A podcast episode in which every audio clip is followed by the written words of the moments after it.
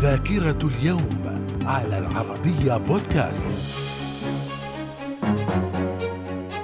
أهلا بكم في ذاكرة اليوم الثاني والعشرين من يوليو. في عام 1598 مسرحية تاجر البندقية للأديب ويليام شكسبير تدخل السجل الملكي بأمر من الملكة إليزابيث. عام 1896 صدور العدد الأول من صحيفة الشام في دمشق. وقد ظلت الصحيفة تصدر حتى عام 1908 عندما توقفت عن الصدور. في عام 1944 استقلال بولندا وإعلان الجمهورية فيها.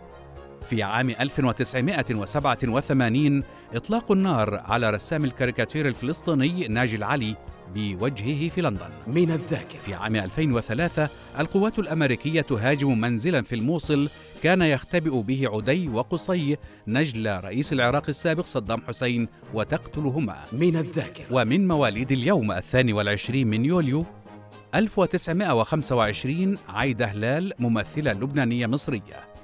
وفي عام 1939 ولدت وردة وهي مغنية جزائرية. من الذاكرة. ومن وفيات اليوم الثاني والعشرين من يوليو في عام 1908 ويليام راندال كريمر سياسي بريطاني حاصل على جائزة نوبل للسلام عام 1903 في عام 1936 أحمد عزة الأعظمي كاتب ومؤرخ عراقي.